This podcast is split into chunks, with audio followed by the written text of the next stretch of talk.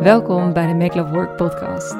Wij zijn Dwight en Mariette en we nemen jullie mee in de wereld van bijzondere pioniers op het gebied van relaties, seksualiteit, gezondheid en geluk. We willen je uitnodigen om de liefde en het leven ten volste te ervaren en op een manier in te richten die bij jou past. Je komt erachter dat je vreemde gedachten of gevoelens niet zo vreemd zijn en dat taboes gebroken mogen worden. Graag zelfs. Aflevering met z'n tweetjes, Ja, onze fijn. favoriete momentjes.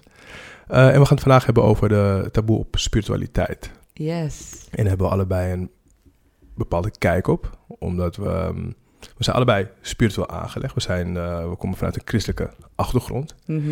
Eh, we hebben daarin onze eigen weg in gevonden en nu houden we ons op onze eigen manier bezig met spiritualiteit. Ja. Maar we merken toch dat daar een bepaalde taboe op rust. Ehm, en zoals een, een, zo simpel als een cacao-ceremonie. Toen ik een tijd terug een cacao-ceremonie had gedaan, kreeg ik allemaal berichtjes van mensen. Yo, wat is dat? en wat gebeurt er met je? Wat voel je dan? Dus er, er, is een, er wordt een beetje schuin naar gekeken. En, en wij zijn benieuwd van hoe komt dat? En, en is het terecht dat mensen zo naar kijken? Ja. En hoe, hoe ervaar jij dat? Ja, ik ervaar dat er een bepaalde vorm van wantrouwen is Mhm. naar, eh, naar spiritualiteit. En ik, ik vind het mooi om het daar met jou over te hebben. In hoeverre is dat wantrouwen terecht? Is Ja. het terecht? En wanneer vinden wij het terecht en wanneer niet? Ehm, maar ik, ik merk zelf, want dit gaat mij heel persoonlijk aan, dit topic. Ehm, om, omdat het voor mij voelt het alsof ik nu pas uit de spirituele kast ben gestapt, maar dan echt, Ja. echt uit de spirituele kast ben gestapt. Dus iedereen ehm, op de op middelbare school was het voor mij al, was het al heel duidelijk. Eh, in de brugklas leerde ik tarotkaarten lezen. Ehm, dus ik deed van die leggingen. Eh, ik leerde mezelf pendelen en handlezen. En dan ging ik naar de docenten toe. En dan eh, zei ik tegen een meneer of mevrouw... ehm, heeft u kinderen? En dan zeiden ze, ja, ja ik, heb, ik heb kinderen. Ik zei, mag ik misschien pendelen hoeveel kinderen u heeft... en in welke volgorde van jongen en meisje? En eh, dan waren ze gewoon nieuwsgierig. Dus ja, Ja. hoor, doe maar. en dan ging ik dat doen en dan pendelde ik dat uit. En dan, dat klopte elke keer. Elke Mhm. keer was het raak. Maar dan ben je eigenlijk nog een kind. Kinderen die dat... En dan de brugklas. De eerste maanden kwam ik ermee weg. En daarna werd ik de Moet je even normaal doen. ja. En kon, kon ik het echt niet meer maken. En daar, daar begon het voor mij eigenlijk al. Mhm. Dat, dat als kind, wat voor mij heel normaal was... Ik praatte vaak met bomen als kind. Ja. Dat heb ik ook de hele middelbare school nog gedaan. Want dan, eh, ja, als- ik me alleen voelde of niet begrepen... dan ging ik onder een boom zitten. Dan ging ik echt met mijn rug zo tegen, tegen, die, tegen die bas, tegen, echt tegen die stam... Mhm. En dan eh, ging ik vragen van, nou, wat, wat zou jij doen in deze situatie? Wel, heb je wijze raad voor me? En dan kreeg ik altijd een antwoord. Ja. En dan voelde ik me weer goed. En dan ging ik met mijn rolschaatsen naartoe. Dus en, en, en, durfde je dat ook te delen met je, met je vrienden? nee, Omdat je wist hoe je... ik werd, het werd Ja. niet zo warm ontvangen wat ik deed. Ja. Nou kijk, ik, ik, heb, ik heb dus... ehm, en dat besef ik eigenlijk nu pas, nu ik erover praat.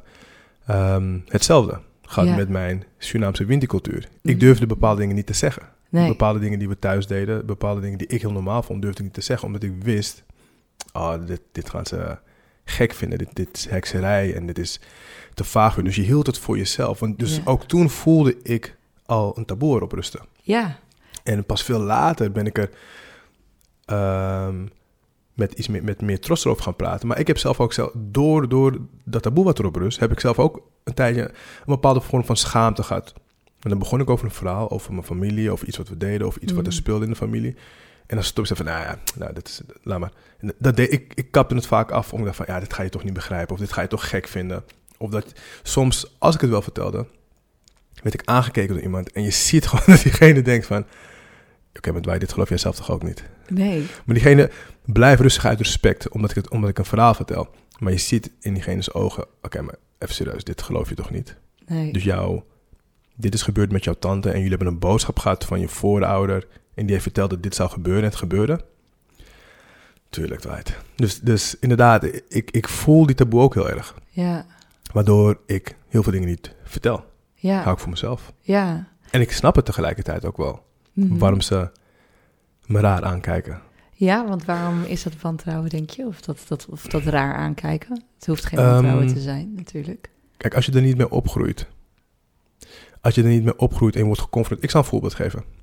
Ehm, wij hebben een familie in 2019 hebben iets gebeurde in een hele korte tijd, hele korte periode. Uh, in, in, in de tijdsbestek van vier, vijf maanden hadden we drie doden. Maar het was, het was mijn tante, neefje en de vader van het neefje. Dus mijn oom verliest zijn zus, zijn kleinzoon en zijn zoon.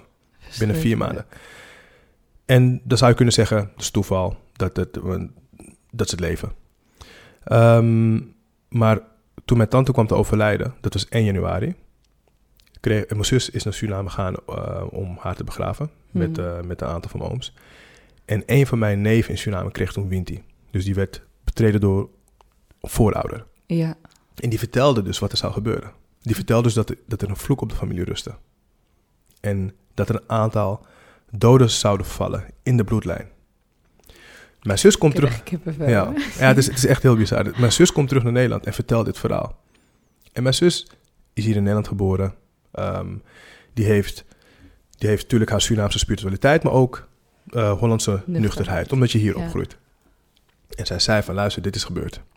Um, we kunnen het wegwijven of we kunnen het voor de zekerheid kunnen een wassie doen. Een wassie betekent dat je gaat uh, uh, reinigen. Ja, ja, dus het is, een, het is een spiritueel bad. En dus wij zeiden, hey, laten we het voor de zekerheid maar gewoon doen. Dus wij hebben ons door onze moeder laten wassen. Ja. En in ene gebeurde dus een neefje die dus tikte in een stukje peer. En een paar maanden daarna overlijdt zijn vader op een hele tragische manier. Dus er gebeurde een aantal... En, en toen, toen dacht ik van, oké, ja, het kan toeval zijn. Mm -hmm. Het kan. Maar mijn neef krijgt wint op dat moment. En een voorouder betreed je dan om een boodschap te vertellen. Ja. Dat, is, dat, is, dat is de essentie ervan. Mm. En wij zouden dus van, oké, okay, we weten niet wat het is, maar we gaan het wel doen. Dit soort verhalen vind ik soms best wel lastig om te vertellen aan mensen die nooit in contact zijn gekomen met zo'n zo vorm van spiritualiteit. Ja. Want ik kan me voorstellen dat je, dat je denkt van, oké, okay, sure. Misschien was je neef in Suriname gewoon heel verdrietig, omdat, er, omdat hij familielid verliest en daardoor... Of had hij een blootje te veel gerookt. Whatever, weet je. Ja, dat, ja want dat, je, gaat het, je gaat het proberen te verklaren met hele Ja. rationele argumenten. argumenten. Ja. Ja. Ja. Ja, en voor mij is dit zeg maar eh, helemaal niet zo ver van mijn bedshow, omdat we hebben een aflevering opgenomen over systemisch werk. Mhm. Waar je eigenlijk met een vorm van Winti, zo lijkt het, ik heb nog nooit een officiële Winti-ceremonie Mhm. meegemaakt, ehm, te maken krijgt. Want daar nodig ik ook voorouders uit in het veld. Ja. En die voorouders die nemen ook bezit van de representanten. En die geven boodschappen door. Dus ik weet hoe het is Mhm. Als iemand met energieën communiceert en met spirits communiceert. En eh, wie weet is het minder intens dan een winterceremonie, maar ehm, in mijn beleving is het vergelijkbaar en dus ook voor mij is het niet een vreemd verhaal. Want ik, ik nodig zelfs eh, grootouders uit Ja. om hun verhaal te vertellen in een systemische opstelling. ja, precies. Dus voor mij is dat heel logisch. Maar toen ik de eerste keer familieopstellingen deed en helemaal niet bekend was, we, we eren onze grootouders helemaal niet in de Nederlandse cultuur. Nee, dat is, dat is, een, dat is een heel, heel groot verschil inderdaad tussen eh, de Surinaamse en de Nederlandse cultuur bijvoorbeeld. Ja. Ik, ik, ik ben natuurlijk in beide opgegroeid en dan zie ik dat verschil. En terwijl ik denk, ja, jouw DNA is een, is een eindproduct van al je voorouders. Precies. Dus los als je het niet eens spiritueel zou willen zien, Mhm. wetenschappelijk gezien, je draagt hun informatie. Ja, Dus je, je- ze zijn, in die zin zijn ze bij je. ja. Dus het is niet zo heel gek. Nee. Maar op het moment dat je gaat praten in termen als... Ja, ik heb, mijn voorouders hebben tegen me gesproken. Dan wordt het vaak voor heel veel mensen al heel van... Oké, never mind. Laat maar, je verliest me. Ja. Dan denk ik van ja, maar ze, ze, zijn, ze, zitten zijn- in je. Ja, Ze, zitten zijn in je. je. Ja, ze zijn je. Dus hoezo zou je dan ook niet energetisch Ja. eh, met ze kunnen communiceren? Of op wat voor manier dan Ja. ook? Dus het is heel mooi. Dus de reden dat, dat ik dit gesprek ook met jou wilde aangaan... is omdat wij, wij komen uit twee verschillende culturen. We hebben Mhm. andere soorten ervaringen, andere soorten kijk op spiritualiteit. Ik vind altijd heel fijn hoe eh, nuchter en soms ook sceptisch jij kan zijn. Mhm. Ehm, het moet voor jou een rechte lijn hebben en dan pas zeg je ja. Ja. Ehm, maar tegelijkertijd ben je super open voor spiritualiteit. Absoluut. En dat vind ik een hele prettige combinatie. En de reden dat ik dit gesprek wil, is naast die verschillende perspectieven, dat ik echt het gevoel heb dat als je dat, als dat taboe erop blijft Mhm. en, en je houdt het eigenlijk achter een deur, dat je zoveel misloopt. Ja. Echt heel veel. Want ik heb die deur wagenwijd opengezet en een tijd lang wat meer dichtgezet in mijn leven. En nu gaat hij voor mij weer helemaal open. Er komt zoveel magie doorheen. Er komt zoveel kracht doorheen en zoveel wijsheid. En wat het met name voor mij is, is dat ik me gewoon constant eh, onderdeel voel van een, een wereld en een script dat groter is dan ikzelf. Ja. En dat is voor mij zo'n essentieel gevoel om te hebben in mijn leven. Ik zou me niet compleet voelen als mens Mhm. zonder dat gevoel. Dat je onderdeel bent van een groter verhaal waar je zelf niet helemaal eh, controle over Ja. hebt. Ja, d- en ik denk Het dat is toch zo... Ja, dat is, een, dat is een... Als je dat besef hebt, dat is zo'n Ja. waardevol iets. En ik heb een aantal momenten in mijn leven gehad dat ik me... Dat ik besefte dat ik onderdeel was van, een gro- van het groter geheel. ja, En je voelt je dan heel verbonden met iedereen. ja. Ehm, Wanneer was dat? Wil je zo'n moment vertellen? eh, LSD. ja. Ik heb eh, eh, LSD gedaan. Toen voelde het heel erg. Toen zag ik dus ook... Ik heb, ik heb ehm, vanaf een jongs af aan... Als ik met een spirituele gids sprak... of een, een bonuman, zoals zij dat in, in Suriname noemen... of iemand die, die, die daarin ontwikkeld was... vertelde altijd... Er waren altijd iets met vrouwen. De eerste keer dat iemand me wat vertelde... zei van... Je hebt zeven vrouwen achter je staan met verschillende kleuren. Mm. En tijdens mijn LSD-trip zag ik al mijn voormoeders. Allemaal vrouwen en dan generaties terug. En dan allemaal hun gezichten met verschillende vormen. En ik snapte van, oh ja, want vrouwen spelen een hele belangrijke rol in mijn leven. Mhm. Ehm, ik heb het meest geleerd. Oké, ja, de grootste stappen die ik heb gemaakt als man zijnde... hebben altijd met vrouwen te maken gehad. ja. Ehm, op, op hele jonge leeftijd. We hebben heel veel nichtjes in de, in de familie. En op jonge leeftijd was ik met mijn zus en, haar, en onze nichten. Met mijn zus en haar vriendinnen. dus er is, er is iets waardoor ik me heel comfortabel voel ja. bij vrouwen. Waardoor ik, me kan, waardoor, waardoor ik kan ontspannen. Dus ik, voor mij is het super logisch. Ehm, ik heb eh, laatst eh, DMT gedaan. Ja. Met, eh, Gerookt? gerookt. ja, ja, Met een vriend van me. En, eh, en hij fungeerde als een soort van shamaan. Dus hij vertelde voordat ik het deed, vertelde hij precies wat zou gebeuren. Hij zei oké, je gaat in het begin, voel je wat druk op je borst, voel je een beetje ongemakkelijk, maar je moet het toelaten. Mhm. En dan word je begeleid. Ja. En je moet je dan overgeven. En toen ehm, was er een, ja, een, een vrouwelijke entiteit. Want het was geen vrouwenlichaam, maar ik wist dat het een vrouw was. En Ja. ze keek me aan en ze glimlachte. ja. En ze ging me begeleiden. En toen zag ik een web waar ik onderdeel van was. Dus toen gebeurde het dus weer. En in mijn glimlach zorgde ervoor dat alles verbonden bleef. Mm. En toen voelde ik even, oh ja, oh ja, dat is het. We zijn, ik ben onderdeel van één. Ja, Ik ben een belangrijke speel ervan. Maar ik ben ook maar een speel ervan. ja. En dat zijn de momenten voor mij waar ik me heel verbonden heb gevoeld. ehm, met iedereen. Ja, prachtig hè? Het maakt je zachter. Ja, Want je, je kan jezelf namelijk soms heel belangrijk vinden. Als je helemaal in je ego zit en helemaal denkt dat de wereld om jou draait. ja, en dat alles te maken is volgens jouw hand. Ja, precies. Tot dat moment. En dan word je heel, je wordt heel nietig, heel klein, maar niet onbelangrijk. Mm. Want je voelt dat je een, je voelt dat je een onderdeel bent van, van dat web wat, wat gespannen moet blijven. En jij zorgt ervoor dat het gespannen blijft. Ja. Door- en in mijn geval door mijn glimlach. Door waarschijnlijk de manier hoe ik naar het leven kijk. Want ik kijk met een glimlach naar het leven. Mm. En als ik dit vertel, dit durf ik dan wel, wel makkelijker te vertellen aan mensen. Oh ja, maar het komt door DMT en daardoor zag ik dat. Maar als Ja. ik zelf zou zeggen, ja, mijn voorouders betreden me, dan voelt het toch een beetje van, mm, dat, dat gaan ze niet geloven. Maar Is dat een keer gebeurd? ja, ja, vaak genoeg. Vaak Ja. genoeg. En, en En dan had je niks gebruikt? Ehm, nee, nee, nee, maar dan, dan, dat was toen ik, vooral toen ik jonger was. Want we hadden toen thuis ehm, met oud en nieuw, dat namen we eh sweet water. Sweet water betekent letterlijk zoet water. En dan met rozenblad eh, Florida water. En dan Mm. liet je alle bad spirits achter in het huidige jaar, zodat je rein het nieuwjaar in ging. En ik kon altijd best wel emotioneel worden, want je ouders die gingen je reinigen. En met bepaalde spreuken zeiden ze zeiden dan van, laat het oude achter je en ga nieuw het nieuwe jaar in. En ik kon er bijna emotioneel worden van. Ja, tuurlijk. Maar ja, dat, als jong jongjes, dat, als je dat zegt, en ik zat op een witte school, Ja, ja, die denken van, whatever, wat wij doen met en nieuw, wij steken vuurwerk af. We, we gaan, we we gaan eten verder. oliebollen. Met de oliebollen gaan verder, ja. En kijk, hun, want als ik heel kritisch moet zijn, ook op mezelf, ik begrijp hun argwaan. Want Mhm. ik heb het namelijk zelf ook. Mhm. Want ik heb namelijk ook heel veel kwakzalvers meegemaakt. Ja, En ik weet niet of daar eh, het wantrouwen het vandaan wantrouwen komt. vandaan komt. Ja, Want zo is het bij mij wel ontstaan, waardoor ik ook jarenlang afkeer heb gekregen van mijn eigen wintercultuur, die ik nu heel erg waardeer. ja, Omdat eh, geld wordt gevraagd en dingen worden beloofd en dingen niet worden nage... Of althans, die beloften worden niet ingelost. Dus je denkt van, oké, dit klopt niet. En dan komt er weer iemand en die zegt, ja, ik ga dit nu doen. ja, dat was met je moeder, toch? Ik weet niet Dat waren met mijn ouders, ja. ja. en, en dan, ehm, dan zie je dus dat de dingen kloppen niet. Ja, dus voor jouw gevoel is je moeder echt bedrogen.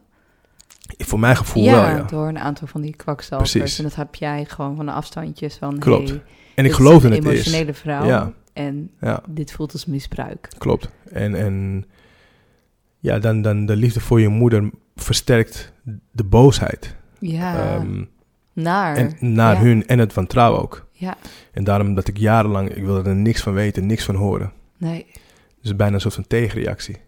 Daarom begrijp ik, als mensen wantrouwig zijn naar het spirituele aspect, snap ik het ergens ook wel. Ja, Want ze hebben misschien ooit iets gezien of iets gehoord of dingen meegekregen. Want ook hier in de westerse cultuur was er een hele grote spirituele beweging met eh, de heksen. En mensen werden als heksen gezien. ja en de Kelten. De kelt en dan werd je is een verbrand. natuurreligie. Ja. Dus het kan zijn dat er een cultuur is ontstaan van... oh nee, er zitten grote consequenties aan spiritueel zijn. ja, En dat dat in onze cultuur is gaan zitten.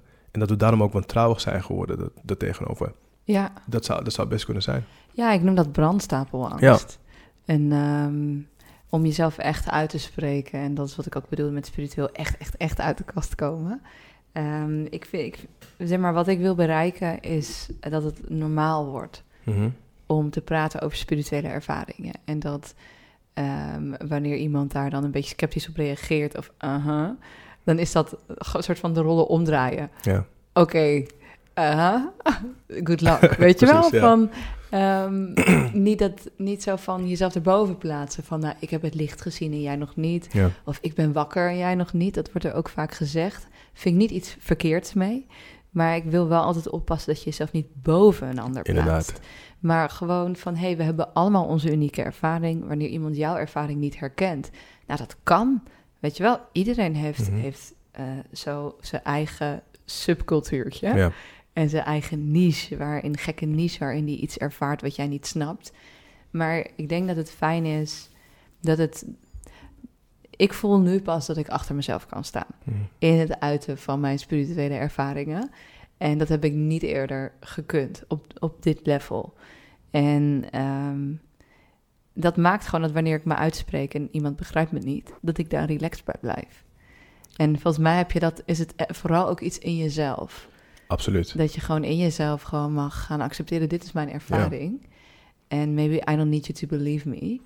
I just need to have faith in what I perceive and choose to embody. Precies. En dat, ah, dat vind Ja, ik zo mooi Dat is, dat is superkrachtig. En het is, het is met alles zo. Het is, ehm, op het moment dat jij jezelf accepteert als persoon, dan maakt het niet zo heel veel uit wat mensen over jou zeggen of vinden. Ja, En dat is dus ook met je spirituele identiteit. ja, Als jij dat helemaal hebt omarmd, dan is dat gewoon goed. dan maakt het niet uit als mensen je sceptisch aankijken. Ja. oké, nou, maar ik weet wat voor mij waar is. Wat, voor- wat voor mij waar is.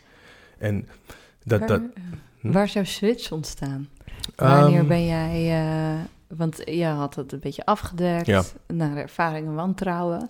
Wanneer ben je weer gaan openen? ehm, dat, dat is heel gek. Dat kwam eigenlijk door verliefdheid. Oh. Door, ehm, om, ik ging nadenken over het concept verliefdheid. Ja, En toen dacht ik, verliefdheid is eigenlijk ook een vorm van spiritualiteit. Want je voelt het duidelijk. ja. Je kan het niet tekenen. Nee, Je kan het niet vastpakken. nee. Maar je herkent het wanneer je het, wanneer je het bent.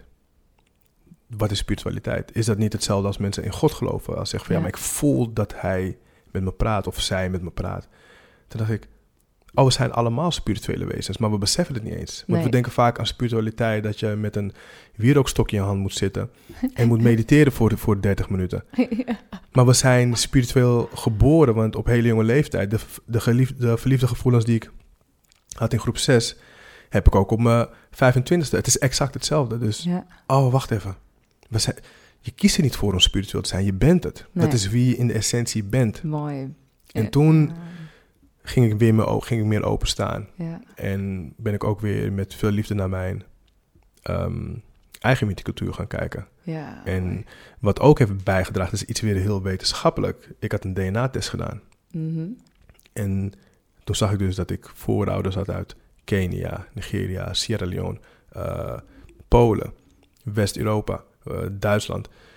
En dacht, oh ja, dat zit nu allemaal in mij. ja. Dus zo ging ik het allemaal samenvoegen. ja. Voor, dat zijn allemaal mensen die hebben geleefd op verschillende plekken op de wereld. En dat draag ik nu bij me. ja, En al hun Al hun informatie, al hun talenten, al hun verhalen. al precies. Ja, Want ik heb neigingen die ik niet van mijn ouders heb. Mijn ouders zeiden vroeger altijd als ik iets deed van... Ik, ik weet niet van wie dit hebt, want je hebt het niet van mij en ook niet van je vader. nee. Dat zijn allemaal dingen die, ze- die ze tegen je zeggen. Dat ja, dat komt, dat klopt. Dat heb ik waarschijnlijk van een van mijn voorouders. Ja, fantastisch. En al die abstracte dingen en die hele concrete dingen... hebben me weer opengemaakt ervoor. En toen ben ik het gaan waarderen. En toen voelde ik me super krachtig. Omdat je dan weet... Ik ben eigenlijk altijd met een team. ja, Ik ben altijd Ja, met een team die yes, achter me staan. Overal waar ik kom. ja, zo mooi. En dan, word, dan voel je je bijna onsterfelijk. Ja, En je voelt je heel erg beschermd. Ja. Sterker nog. Ja, prachtig. Want voor mij is spiritualiteit is het, het besef dat we verbonden zijn met alles. Mhm. Dus in de eerste instantie ben je verbonden met jezelf. Eh, door toe te staan dat je bent zoals je bent. En dat je ervaart zoals jij ervaart. En we hebben allemaal een uniek perspectief. En allemaal een unieke ervaring. Of dat nou eh, een botte Hendrikje is. Of een soort van super fladderend wierookmeisje. Ja. Ehm, onze ervaring is onze ervaring. Dus als je dit toelaat en die connectie met jezelf, die verbinding met jezelf echt daarvoor opent, dan voel je die verbinding met alles om je heen. Mhm. En voor mij is dat spiritualiteit. En die verbinding gaat van eh, al je voorouders, van alle DNA wat in je zit, alle verhalen.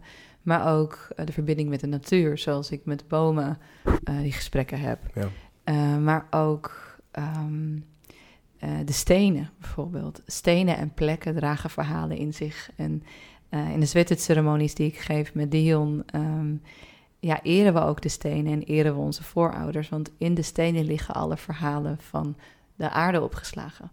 Dus door die eh, stenen in, in, de, in het centrum van die zweten te hebben... die verwarmd zijn door het vuur waar je dan het water overheen gooit...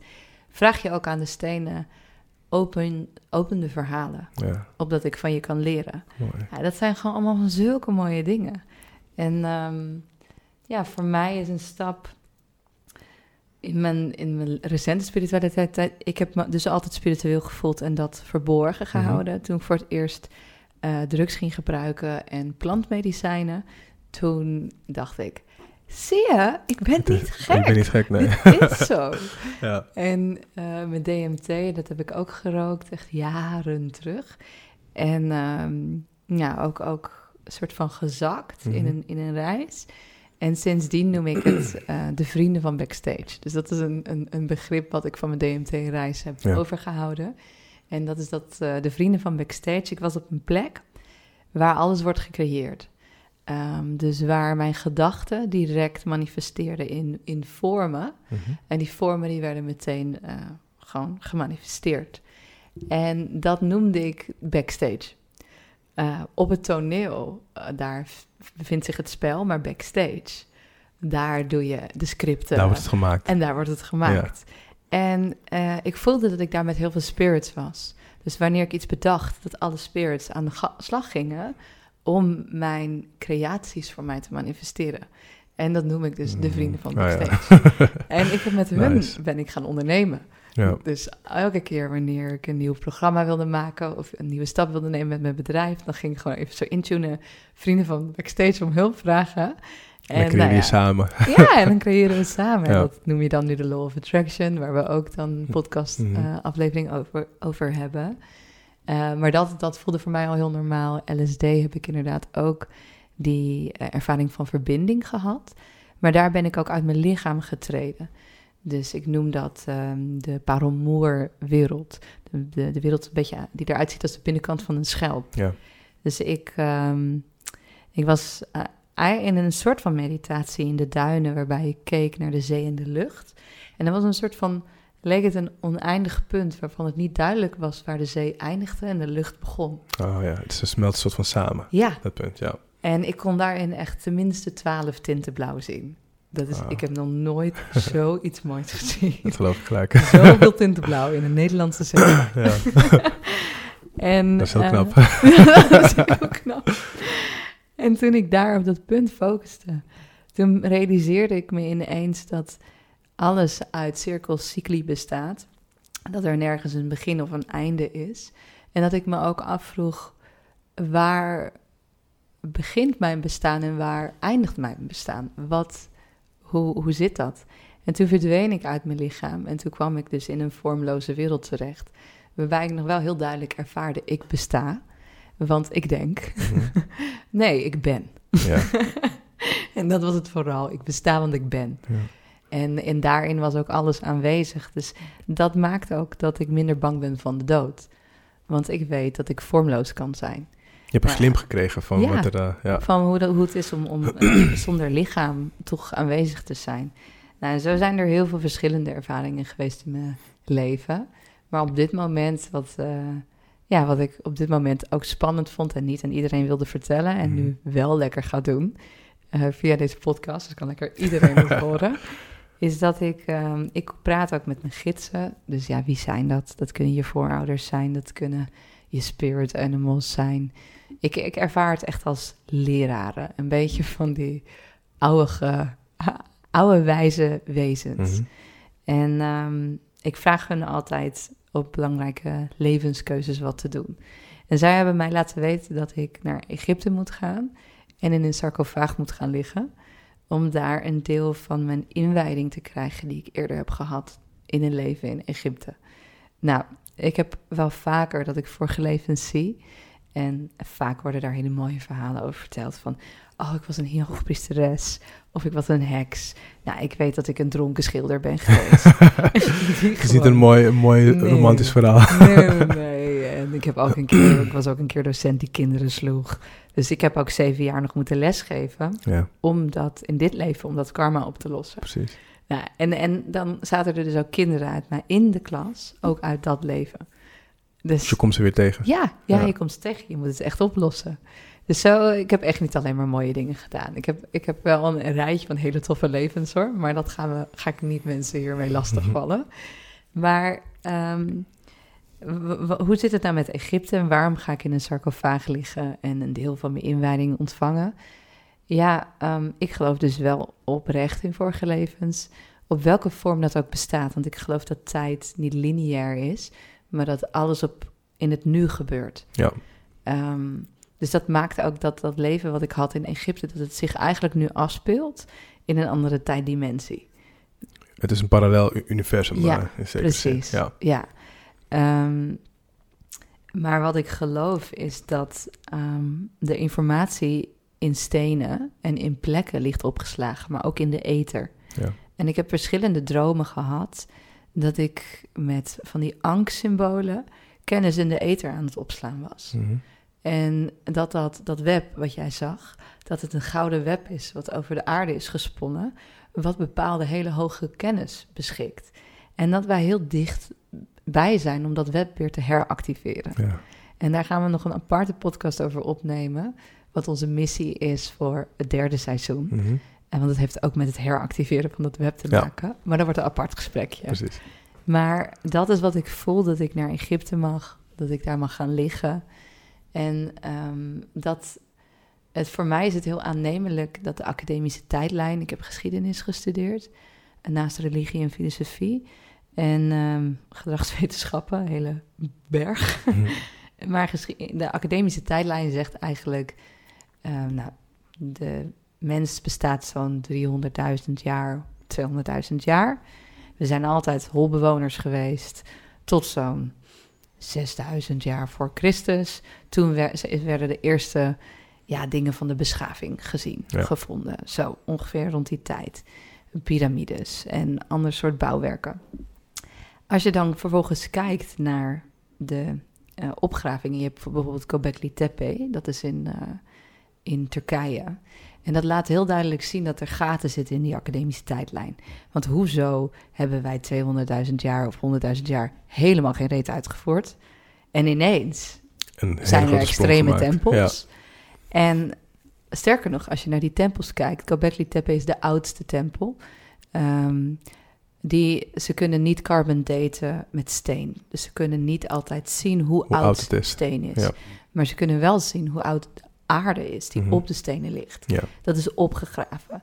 Dat is dus zo'n 8000 jaar voor Christus. Dat is het oudste bouwwerk zo'n beetje. Dat is gevonden. Er zijn Mhm. ook wel oudere.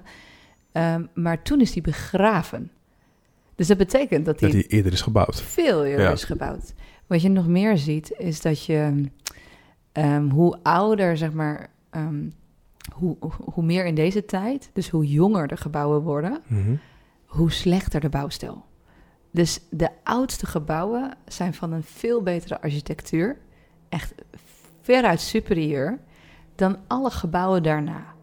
Maar wij zouden eigenlijk moeten leren en eh, hoe jonger de gebouwen, hoe beter. Hoe beter, want je zou moeten leren van wat er eerder is gebouwd. Ja, Ja. maar dat is niet zo. Je ziet een enorme, enorme sprong dat, dat er een bepaalde beschaving is geweest, Mhm. die extreem ver gevorderd is. En ehm, ineens gaat het extreem naar beneden met wat mensen bouwen, wat mensen maken, wat mensen doen. Dus voor mij is het heel aannemelijk om te denken, hé, de academische tijdlijn die klopt niet. Er is een beschaving geweest die veel verder gevorderd was dan de beschaving die wij nu kennen. En we zijn met een heel groot deel van de wereldbevolking opnieuw begonnen. En we komen nu een klein beetje in de buurt, een klein beetje in de Mhm. buurt, van waar we ooit geweest zijn, zo ver 8000 jaar voor Christus. En er is ook een, ehm, een bewijs dat er zo'n 8000 jaar voor Christus een komeet is ingeslagen in de zee. En ehm, die heeft de ijskappen doen smelten. En de ijskappen die reflecteren de zon. Ja. Dus die zorgen dat het hier koel blijft. Niet alleen door het vasthouden van het ijs, maar ook door het wegreflecteren van Mhm. de zon. Dus je kunt zien, eh, en daar zijn echt wetenschappelijke bewijzen van, dat zo'n 8000 jaar voor Christus de temperatuur op aarde extreem omhoog ging. Ja. Vanwege al die smeltende ijskappen. Nou, wat doen al die smeltende ijskappen? Extreem veel water, watersrampen, all over the place. In alle oude geschriften, maakt niet uit in welke religie je kijkt, en ik heb religies gestudeerd, Mhm. spreken over de Big Flood. Ja. Alleen al het verhaal van Mozes met een bootje. En oh, sorry, ja, Mozes, ja. zeg ik? Noach. Ja. Oh ja, dat is weer een heel ander verhaal. Had ook met water te maken. ja, ja, Rode Zee werd... Eh, werd gespleten. precies. Ehm, dus zo is het voor mij heel aannemelijk om te denken... er is een beschaving geweest die spiritueel... en, als je, en zeg maar, en qua intelligentie en techniek... Architectuur, samenlevingsvormen... veel verder ontwikkeld was dan wij nu. Want wij weten nog steeds niet hoe de piramides zijn gebouwd. En als je kijkt naar hoe secuur al die stenen op elkaar staan... Mhm. moet het met een soort van laser zijn gedaan. Ja. En dat is ook zo met eh, kristallen schedels. En in al die plekken zit informatie opgeslagen. In die schedels zit informatie. In die spirituele plekken, in die oude tempels zit informatie. Dus als je met alles verbonden bent, kun je met alles communiceren. En kun je dus ook informatie inwinnen. Van wat er toen is Precies. gebeurd. Ja. Dus daarom vind ik het echt totaal normaal dat ik naar Egypte ga. Ja. Om, Om informatie te Nee, wat, wat, wat je zegt over die, die beschavingen. ehm, er zijn een aantal wetenschappers die ik, eh, waar ik soms eh, naar luister, naar hun podcast. En die zeiden ook van, wij hebben heel lang gedacht dat ontwikkeling lineair is. Dat je, je gaat van Ja. 1 naar 2 naar 3 naar 4 naar 5, et cetera. En zij komen erachter dat inderdaad wat jij zei, bepaalde beschavingen waren die op sommige vlakken veel verder waren dan wij. Ja, En wij zijn misschien nu op bepaalde elementen verder dan dat zij waren. Maar omdat, omdat wij niet kunnen... Wij hebben heel lang ook gezegd... oh, de piramides zijn gebouwd door aliens. ja, Want kijk, dat, dat kan toen niet gemaakt zijn... want ze hadden toen nog geen, ze hadden geen graafmachines en ze hadden dit niet. nee. Wij denken zo erg in dat alles met een bepaald soort van logica vooruit gaat. Mhm. Waardoor we niet kunnen voorstellen dat dat toen is gebouwd. Nee. Maar ik vraag me soms wel af... ehm, hoe, hoe, komt het... eh, want ik, ik- dit, is wat ik, dit is wat ik denk. Ik denk dat we hier in het Westen... eh, onze spiritualiteit hebben ingeruild voor technologie. We hebben technologie heel belangrijk gemaakt. Ja, en wetenschap is de religie Wetenschap geworden. is religie geworden. Ja, En dat hebben we ingeruild. ja. Van oké, alsof je een keuze moet maken. Want je kan niet geloven in creatie en evolutie. Het is één van de twee. ja, Dus oké, het is of evolutie en dan ben je een wetenschapper. Of je gelooft in creatie en dan ben je een religieus persoon. ja. Die twee elementen kunnen, kunnen samen. Precies. Samenwerken. In mij, ja, juist. En dat merk ik nu gelukkig wel dat we ons... We gaan op zoek. Ik zie het heel erg veel bij mensen die gaan op zoek naar... ehm, zo'n diepere verbinding, meer naar binnen reizen. Ja. En het begint met zoiets simpel als yoga ja, of mediteren. ja, Die, er is dus, omdat we zo ver zijn afgestaan van onze spirituele identiteit, omdat we wetenschap zo belangrijk hebben gemaakt, ja. maar je voelt je eigenlijk een beetje ontheemd. ja. En nu gaan we terug. Tegelijkertijd ben ik ook soms kritisch op die hele spirituele beweging, want het voelt bij mij soms een beetje aan als een secte. ja. En dat je bepaalde rituelen moet doen om erbij te horen. Mhm. En dan denk ik, oké, dan snap ik waarom mensen een afkeer krijgen Ja. voor die hele spiritualiteit. En denk ik van, ah, want het wordt bijna soms elitair. ja, ja. En dat vind ik jammer. En dan vraag ik, Ja. hoe komt dat? Is het dat we tribal zijn? Of we creëren weer een, een clubje? Hmm. Is dat het? Want we zijn heel tribal van aard natuurlijk. Ja, En dat zou ik ook graag willen zien veranderen. ja, En dat we niet doen wat we... Want je gaat eigenlijk tegen je, tegen je essentie in. Want je, wilt, je gaat je spirit ontwikkelen. Je wilt samen zijn, onderdeel van één. ja, En wat doe je? Rituelen creëren om erbij te horen. ja. Of je moet dit doen. Ik weet, dat, ik weet hoe soms naar mij wordt gekeken. En Ja. daar hebben we gisteravond... Een, gisteravond zijn we met z'n tweeën gezellig aan het eten... om het succes van de podcast te vieren. En eh, we hebben een mooi gesprek gehad. Onder andere ook dus over... Ik word door de spirituele mensen... word ik vaak gezien als... Oh ja, heel aards en vaak eh, oppervlakkig zelfs. Het waait met zijn showpony vrienden. Precies. Ja, En mijn aardse vrienden, om het even zo te zeggen... hele leuke, knappe Het vrienden. zijn hele mooie mensen. Ja, ja, ja. Zowel van binnen als van buiten. maar ehm, mijn- showpony-vrienden, om het even zo te zeggen, die vinden mij dan weer soms vaag en ah, zweverig en ah, ja, met z'n bullshit. Dus door, door beide kanten kan ik soms een beetje veroordeeld worden. Veroordeeld is een groot woord, maar eh, Mhm. je begrijpt wat ik bedoel. Door beide kanten kan ik soms veroordeeld worden. Dus ik denk van ja, maar ik kan toch ook allebei hebben? ja, Ik hoef toch, waarom moet ik kiezen? ja, Soms vind ik het lekker om eh, zonnebrilletje op te doen, visnet shirt en een themafeest te hebben en dan gewoon helemaal daarvan te genieten. hoor, Nee, toch? en soms vind ik het ook heel mooi om een sp- spirituele ceremonie bij te wonen. Ik doe het Ja. vanaf jongs af aan, dus het is voor mij niet iets nieuws waar ik nu in stap. Het, is, Nee. het is mijn cultuur, Ja, het is mijn identiteit. ja, Ik, ik laat het misschien nu meer zien, waardoor het lijkt, oh, hij heeft een verandering gemaakt. Nee, dit, is, Mhm. dit is wie ik in essentie ben. ja, En je hoeft niet te kiezen. Als, eh, ik, soms krijg ik bijna het gevoel alsof ik alleen geloofwaardig ben als spiritueel persoon als ik een tofu-etende, mediterende man ben in een yoga pants. Dan denk Ja. ik van nee, Nee, nee, nee, nee, dat nee, hoeft nee. niet. dat hoeft niet. nee. Je mag gewoon... Je mag gewoon zijn hoe je bent Ja, you are. gekleed zoals jij gaat. Ja, ja, ja. en, en kies je momenten wanneer je behoefte hebt aan wat. Ja, Oké, wil je nu even dit doen, dan doe je dat. Ja, En toch voel ik een bepaald oordeel. ja, Ja, ja. En misschien is het ook soms onbegrip. En het, het fijne is dat we onszelf nu aan het bevrijden zijn van dat Ja. oordeel. Ook, ook door dit gesprek. En ik hoop dat als luisteraar dat je je ook je bevrijd voelt hierdoor. Mhm. Ehm, maar wat jij vertelt over ja, die, die, dat elitaire en dat clubje-achtige. In mijn beleving is, het, is dat een, een, niet te, niet, ja, een onderdeel van het proces wat je niet helemaal kan overslaan. nee. Als je een pendulum hebt, dan slaat hij eerst naar links, dat noem je Mhm. de these, dan slaat hij naar rechts, dat noem je de antithese, en dan blijft hij ergens in het midden in de synthese hangen. Is altijd zo. Dus je begint ergens en dan ga je naar de extreme opposite. Dus je Ja. begint bij eh, bijvoorbeeld aard, helemaal kloppen volgens het plaatje. En dan wil je geen make-up meer dragen en je wil helemaal ehm, alleen maar groente eten. Mhm. En misschien kom je ergens in het midden uit. Ja. Maar misschien voel je je ook juist wel heel fijn bij geen make-up en alleen eh, planten eten. Ik draag wel make-up, eet vooral planten. maar het, het is maar waar je in het spectrum je fijn voelt. Juist. Alleen besef wel, voor mij is werkelijke spiritualiteit dat we allemaal verbonden zijn. Mhm. Dus je bent ook verbonden met het andere kamp. Klopt.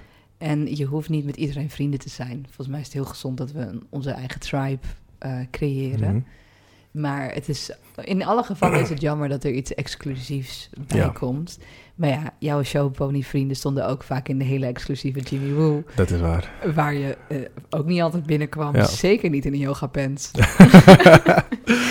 dus het mag ook. Het, het mag, het mag. in Maar ik, beide kampen ja, mag dat klopt. er Maar ik hoop dat we als beschaving, en dat is, dat is natuurlijk iets voor op lange, lange, lange termijn, dat we, we wat genuanceerder worden in, in in het kijken naar mensen. Dat we, dat, Ja. dat we beseffen van, oh, wat jij bent, dat ben ik ook. Ja, En dat het Dat niet is van, oh, zo. wat jij bent, oh, dat, dat staat helemaal ver van me af. ja, Ik herken me in alles en iedereen. ja. Alleen herken ik me meer in een bepaalde groep. Hmm. Of soms, want soms is het ook hangt van de situatie af. En denk van ja, ik ben nu meer dit op dit moment. Ja, Maar ik herken me in iedereen. Ja. En daarom kan ik me ook makkelijk bewegen tussen verschillende groepen en subculturen. Ja Want ik mooi, zie steeds mezelf. Ja, Ja. Ja, het is prachtig. Dus voor mij is het echt een oproep van vertrouwen in, in jouw unieke ervaring van het leven en open de deuren. ja. Want ehm, ja, als je leven op zijn kop staat of als je leven heel anders is of, of een andere wending neemt, misschien wordt het wel beter. Ik misschien wordt het wel mooier. Ja. En ik heb mezelf echt ehm, ja, ook best wel gewantrouwd met het idee om in een sarcofaag te gaan liggen. Ook omdat ik zoiets heb, hoe kom ik in een sarcofaag? Moet ik daar iemand voor omkopen? Waar staan die dingen? Ja. Ehm, pff, eh, straks valt hij dicht en heb ik dan nog wel zuurstof? of dan ben ik erin geweest en dan was het vooral een heel muf ding en heb ik helemaal geen nieuwe inzichten Ja. gekregen. Kom ik hier terug met een slecht verhaal? Dus zo heb ik echt een miljoen dingen gedacht. Maar ik heb ook wel ervaring, bijvoorbeeld een ayahuasca-ceremonie, maar ook met ehm, mushrooms, dat de natuur bijvoorbeeld je ook de weg kan wijzen. Dus ik heb daar een keer aan de natuur gevraagd: hey, eh, ik moest naar een bepaalde plek toe, ik moest naar een station toe, maar ik wist niet hoe ik daar moest komen, want ik was op die ceremoniële plek met de auto afgezet in het donker. Dus ik had Mhm. geen idee waar de trein was. En, eh, en ik was ook niet echt heel erg in staat om op mijn mobiel te kijken of ik dacht daar niet aan. Ik weet Ja. niet precies hoe het zat. En, eh, en toen vroeg ik aan de natuur, kun je me de weg wijzen naar het station? En toen lichtte de weg dus steeds op. Wauw. Bij elke turn die ik maakte. Ik ben in één lijn daar naartoe gelopen en ik was nuchter genoeg om wel enigszins de tijd te begrijpen. ja, precies. en ik was er gewoon fluitend. Ja. En, en zo kan ik ook, ik ben dat nu aan het oefenen in daily life. Mhm. Weer aan de natuur vragen waar mag ik heen en kijken of iets oplicht. En ehm, zo kan ik ook bijvoorbeeld in Egypte vragen, waar mag ik heen? Daar mag ik heen, ja. En, en mezelf laten leiden. En wat ik het mooie daarvan vind is, de wereld is zoveel meer magisch dan we denken. En hoe meer ik dit uitspreek, hoe meer ik mensen herken die dezelfde soort ervaringen hebben en hoe meer mijn eenzaamheid verdwijnt. Mhm. En ik, als er iets is wat ik het zonde zou vinden, is dat door het taboe mensen eenzaam zijn. Ja. Dat is niet wat ik zou willen. Dus ja, ik- hoe meer we dit met z'n allen uitspreken, ja, hoe normaler het wordt. Precies dat. Een vriendinnetje van mij die ziet elfen en trollen bij de ontbijt. Ja. dat ik dan Ja. weer niet. precies, maar maar dat is toch fijn om te weten. het, het, is, het is fijn om te weten dat niet alles voor iedereen is. nee, Maar dat je wel tot alle, dat alles tot jouw beschikking is. exact. En jij mag zelf bepalen wat voor jou, wat bij jou Leuk past. het is. Ja. En dan is dat gewoon, datgene, het is op maat gemaakt. Dat Ja. is voor jou. Dit is hoe jij je spiritueel uit. Dit is hoe, waar jij je spiritueel thuis bij voelt. Want Ja. niet alles is voor iedereen. nee, Dus op het moment dat je iets hoort wat je denkt van, ja, wow, dit is voor mij te vaag. Prima. prima. Ga dan op zoek naar jouw spirituele identiteit. Want die is er. Ja, mooi. Sta open. Ja, in welke vorm dan ook. Ja. En ook als laatste misschien wat ik wil zeggen is durf ook een dwaas te zijn. Ja. Ik weet dat er in mijn familie is er ehm, schizofrenie. En dat heeft voor mij er altijd voor gezorgd dat ik dit wantrouwde. Mhm. Dus ook vanuit mijn vroege jeugd, als mijn televisie vanzelf aanging en dan was het ook na een vraag ergens over, dan kwam het soms niet meteen, maar op een bepaald moment schoot het dan op een af, eh, uitzending of iets anders, wat mij antwoorden gaf op de vraag die ik eerder had gesteld. Dat waren ervaringen die ik niet durfde te delen, Snap ik. want ik dacht, oeh, zo denken mijn ouders dat ik schizofreen ben. Ja. En, eh, en ik weet de pijn die daar ook op zit. Dus zo, er is, er is een hele dunne lijn tussen gek en, en geniaal. Mhm. en en eh, ja, durf ook buiten de lijntjes te kleuren. Ja. En vertrouw erop dat als je dat blijven delen met mensen. Want ook, weet je wel, een, een vangnet kan je ook stabiliseren. ja, en je komt erachter dat je niet de enige bent die zo denkt. Ja, Je bent niet de enige met tussen haakjes rare ervaringen. En Ja. dat, dat verwijdert die eenzaamheid waar je het net over had. ja Op het moment dat je gaat delen. precies. Ja. En als mensen dan op een gegeven moment zoiets hebben... oeh, ik vind het nu wel erg spannend wat je nu aan het zeggen bent. Mhm. Nou, dan mag dat ook. Exact. En dan kan je bij jezelf te raden gaan, waar zit ik nu op die grens? Tussen gek en geniaal. Ja. En eh, voelt het voor mij nog goed hier? Mhm. En jij hebt de antwoorden. Mooi gezegd. ja, Thanks. jij ook, bedankt. Stel dat je dit een mooi gesprek vindt. Eh, heel fijn als je de podcast-episode deelt en abonneert op ons kanaal. Dat helpt ons met onze zichtbaarheid, maar ook met onze missie. Want hoe meer mensen delen, hoe meer liefde we met elkaar verspreiden.